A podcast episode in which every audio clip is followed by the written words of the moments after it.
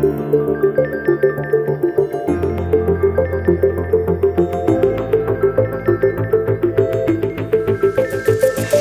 L'onada d'atacs phishing que han patit especialment els clients de Morabank a les últimes setmanes ha posat en alerta tothom veient la sofisticació de l'intent d'estafa que ha portat més d'un a caure en el parany. La policia hi treballa i també ha extremat les precaucions l'entitat afectada aquest cop, que fins i tot ha abonat els diners que han perdut els afectats.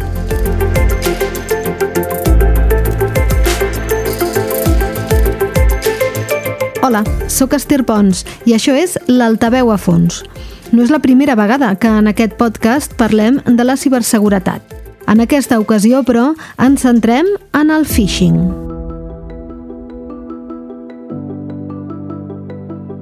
Albert San Juan ha estat el periodista de l'Altaveu que ha estat seguint el cas. Hola, Albert. Hola, Esther.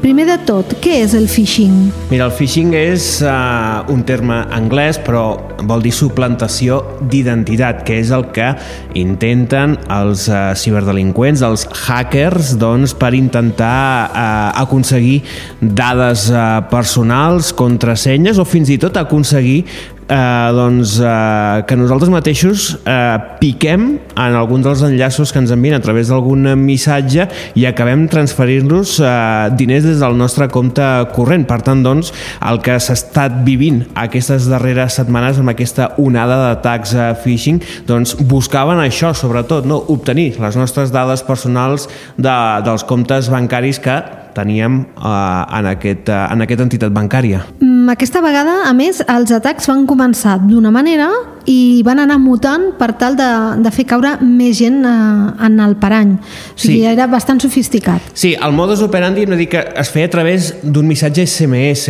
Estem acostumats possiblement darrerament a rebre missatges d'aquest tipus a través de WhatsApp o també de correu electrònic però eh, ja ens comenten, possiblement des de l'Agència de, des de Nacional de Ciberseguretat, que aquesta tecnologia ha quedat potser una mica més obsoleta. I ja no ens comuniquem tant per WhatsApp, ah, perdó, per SMS, sinó que ho fem més per WhatsApp o per correu electrònic. I per aquí, per aquest fil de l'SMS, els, eh, els eh, ciberdelinqüents el que busquen és donar més eh, veracitat a, a l'intent d'estafa, de, tenint en compte doncs, això no? que, que bé, doncs, si ens arriba a través d'un SMS, eh, doncs possiblement acabem clicant en l'enllaç que hi ha en els missatges. No? Per, eh, per posar un exemple, al, a mitjans del mes de maig, no?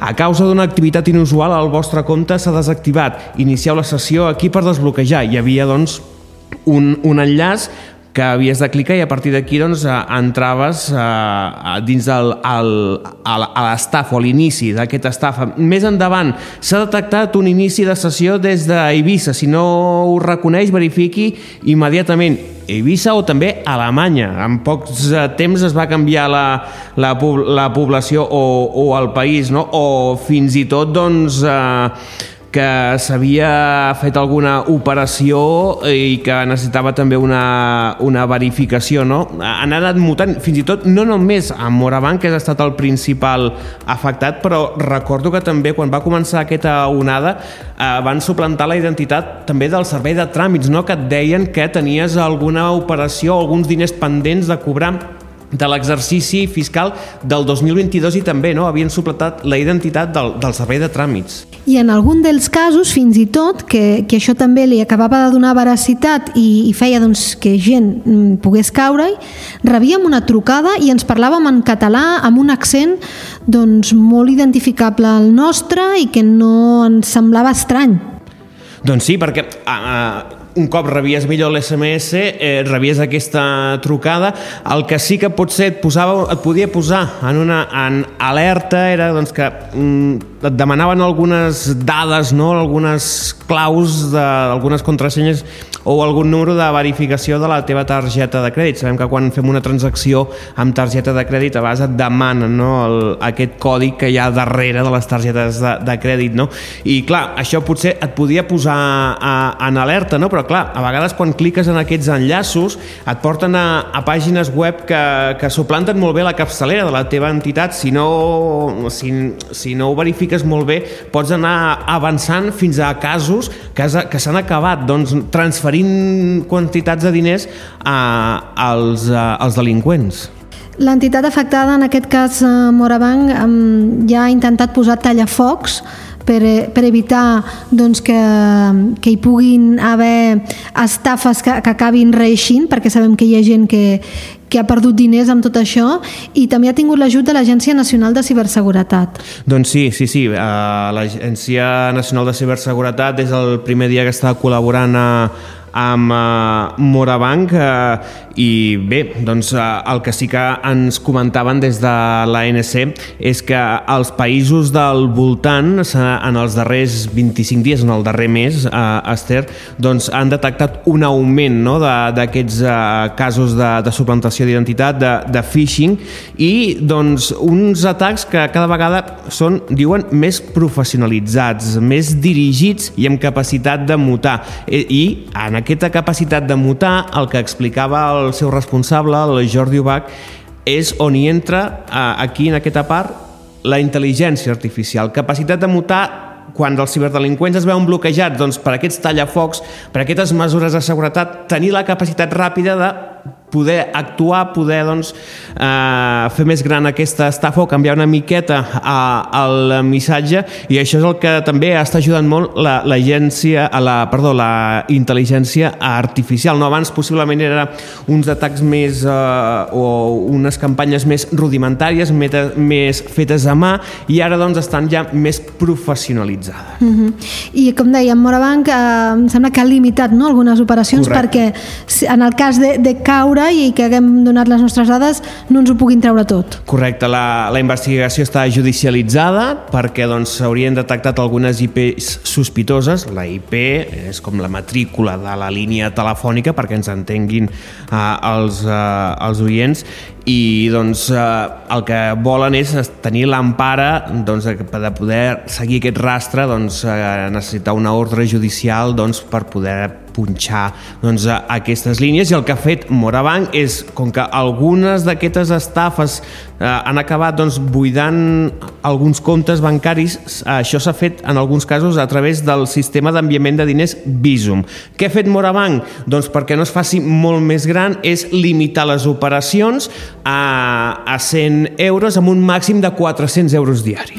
Bé, doncs eh, aquest és el tallafoc, la situació i com deies, la, la policia i està al darrere, la investigació està judicialitzada, per tant tampoc no es pot donar més detalls, però mm, ja són mm, com a mínim 20 les denúncies, no? Sí, una vintena de denúncies, sembla que quan els enllaços s'han desactivat o s'han eliminat, doncs els casos han començat a baixar, però evidentment no, no es pot baixar la guàrdia, sempre s'ha d'estar en alerta perquè mm, els ciberdelinqüents sempre intentaran trobar la porta d'entrada perquè doncs, els hi acabem donant les nostres uh, credencials bancàries. de nhi doncs, uh, aquestes setmanes l'activitat uh, que, que hi ha hagut doncs, en aquesta entitat bancària per molts clients, l'Agència Nacional de Ciberseguretat Seguretat i, evidentment, aquesta entitat bancària que, que s'ha vist afectada. Moltíssimes gràcies, Albert, com sempre. A vosaltres.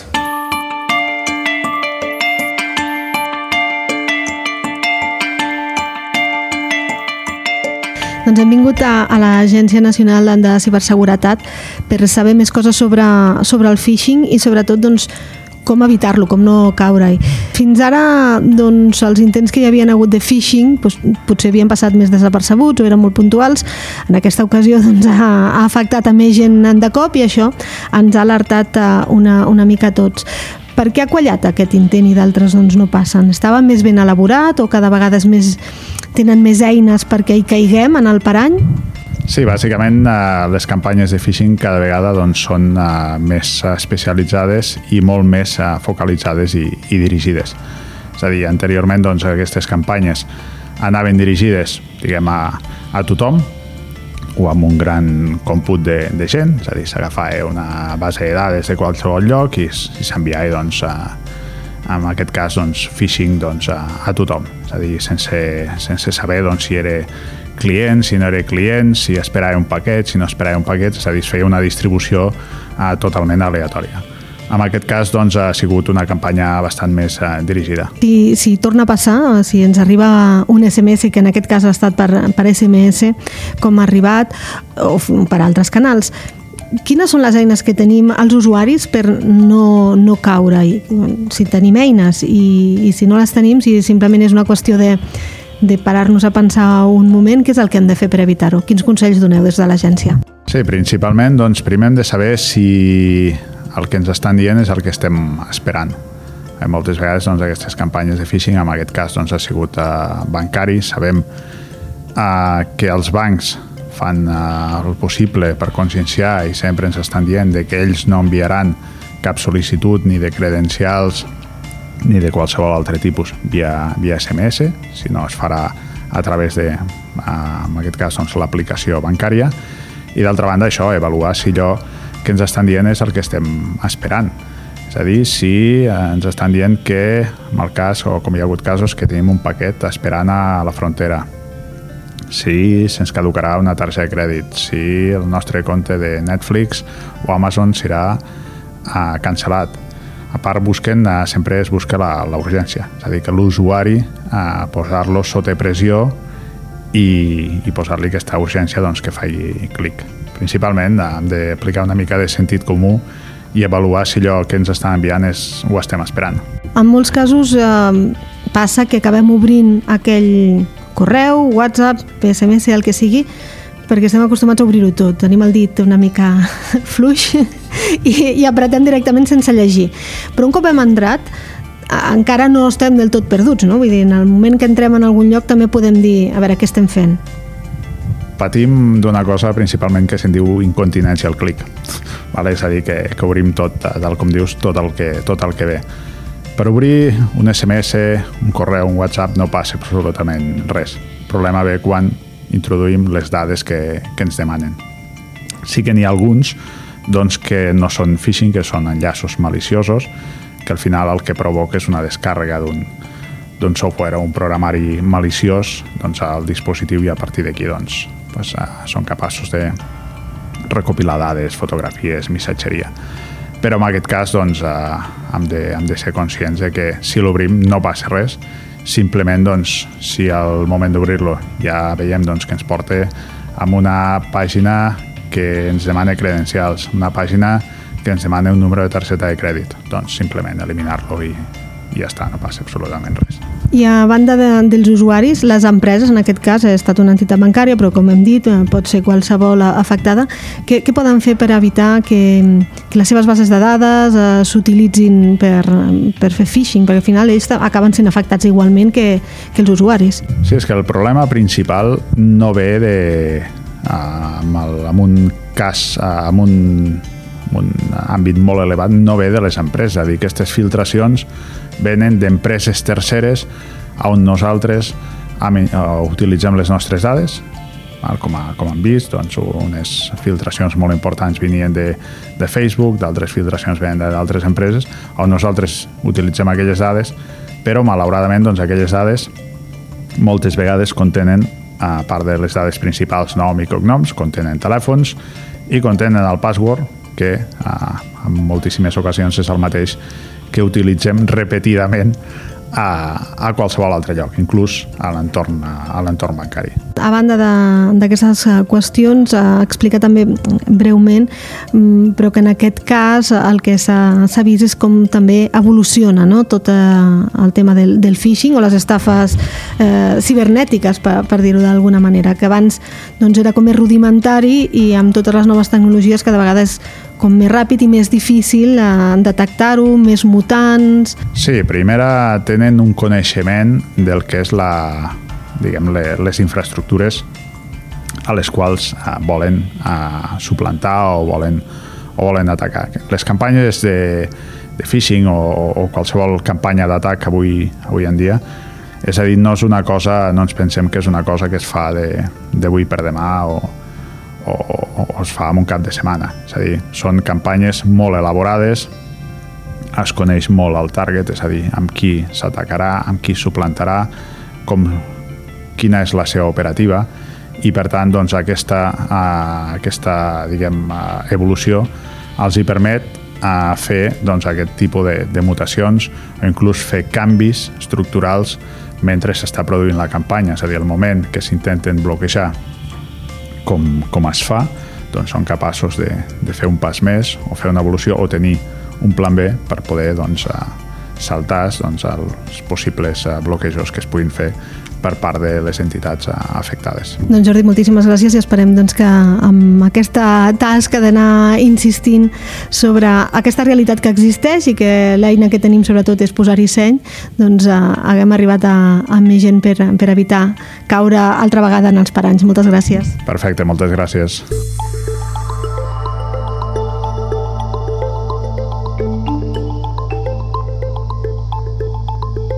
Ens falta parlar amb la policia, amb el grup de delictes tecnològics, que aquests dies tenen moltíssima feina. Finalment, aconseguim contactar amb l'agent Àlex Estalés via Zoom. Hola, Àlex, què tal? Bones, Esther. Molta feina, no?, aquests dies amb, amb tot el tema de, de l'alerta phishing. Una mica, sí. Um, hem parlat també amb, amb el Jordi Ubach i ens comentava que ja, ja es preveia que aquest any, el 2023, hi hagués com una explosió de, de més activitat delictiva relacionada en, en arribar a l'usuari no? a través de, de pràctiques fraudulentes com el phishing. I, i ens ha arribat. Bueno, sí, aquesta ha sigut més escandalosa, però ja fa temps eh, que, que anem veient que aquest tipus de pràctiques i que intenten fer-ho. No? Quins, quins consells eh, donaríeu per, eh, per intentar doncs, evitar caure en, en, aquest, en aquests paranys? Bueno, bàsicament el que, el que, el que recomanem és que entenguem quan rebem un missatge, que parem un moment a pensar, perquè ens agafa sempre una mica desprevinguts, que estem fent altres coses, en què, per exemple, doncs, la nostra entitat bancària mai ens demanarà dades ni ens facilitarà un enllaç per tenir-nos que connectar, ni ens farà un avís de la manera que s'han fet en aquests últims, no? per exemple. Llavors, quan partim de la base d'això, un missatge, per molt que sembli que arribi del banc, però no és habitual o és el primer que rebem, el més normal és, i més fàcil és eh, passar del missatge que rebem, no clicar si hi ha cap enllaç i podem trucar al nostre gestor de l'entitat bancària tranquil·lament. Nosaltres, des de el número que nosaltres coneixem i havent-lo buscat i demanant per qui coneixem i li demanem informació sobre aquest missatge. No? Llavors aquí ja pràcticament mm, ja eliminem tota la resta. No? Uh -huh. A partir d'ara hem d'estar més atents del que ja estàvem? Atents hem d'estar fa molts anys. no, no, no és ara. És veritat que tenim una mica de memòria de peix, eh? la població en general. Eh, ara tothom estarà potser una mica pendent, però passen tres mesos, marxem de vacances o alguna història, se'ns oblida i pues, podem tornar a rebre aquest tipus de coses. No? Llavors el que hem de fer és educar-nos, conscienciar-nos en que tecnològicament tot el que es veu no és el que sembla, per tant, si és una anomalia dins una comunicació que no és lo normal, Andorra és petit, és fàcil de gestionar, de parlar amb el nostre gestor o l'entitat que sigui que suplantin, jo que sé, Andorra Telecom de vegades, o, o altres, o fins i tot les nostres notificacions que, que enviaven que el nostre director reclamava coses, evidentment no és la via, no és el procediment, per tant no, no hem d'interactuar i només estar una mica pendent d'això. Tot i que generi una alerta, que és un, un dels fets que s'aprofiten, no? Mm -hmm. És a dir, la l'alerta, és de lo que s'aprofiten. I en el cas doncs, que no hem estat uh, prou atents i hem caigut en el parany, quins són els passos que hem de seguir? Bueno, pues de moment no es borra res i venir a cursar la corresponent denúncia. Eh, depenent de les interaccions que hem fet, doncs no sé si, si hem picat i hem entrat les nostres credencials d'accés, sigui la plataforma que sigui, doncs el que hem de fer és eh, o bloquejar-la o canviar les contrasenyes de seguida, analitzar ben bé què és el que hem facilitat i a partir d'aquí doncs, canviar tots els possibles accessos que hi, que hi pugui haver. Uh -huh. Mm, si hem, tenim algun mecanisme per, per recuperar, eh, doncs, en aquest cas, han estat diners, no? però a vegades doncs, són les nostres dades o són el, els nostres perfils o són altres qüestions. Bueno, nosaltres ens ocupem d'investigar o d'intentar trobar qui hi ha darrere d'això. No? Depèn del que sigui, doncs, eh, amb qui hem de contactar és a través del servei que estem utilitzant. És a dir, si hem, hem caigut i ens prenen el nostre perfil d'Instagram, per exemple, o alguna així, doncs hem de seguir el protocol que, que estableixen ells. No? És a dir, normalment, jo, per exemple, a Instagram, si um, per mala sort ens agafen les credencials, no tenim el doble factor activat i ens entren i ens canvien alguna de les dades associades, el correu o el telèfon, Instagram ens notifica el correu primer que hi ha hagut aquest canvi. Allà ja ens faciliten un enllaç que és on eh, has de seguir els passos que ells indiquen per intentar recuperar el perfil. Mm -hmm. És a dir, que hem d'anar també, per una banda, la denúncia, per, doncs perquè hi ha un fet delictiu al darrere, i per l'altra, doncs, el que sigui amb, amb la, en aquest cas doncs, amb, amb el banc o amb la xarxa eh, el que ens hagi afectat, no? Sí, exacte, perquè no deixa de ser eh, que és un contracte entre la persona, aunque sigui gratuït, no? un perfil d'Instagram mm. o una social, no deixa de ser un contracte entre l'empresa que subministra el servei i nosaltres com a usuaris. No? Mm -hmm. Doncs, Àlex, moltíssimes gràcies pel teu temps, perquè sé que, que esteu doncs, amb moltíssima feina i intentar fer passar el missatge perquè no, no tinguem tan poca memòria. Molt bé, gràcies a tu. Fins la propera.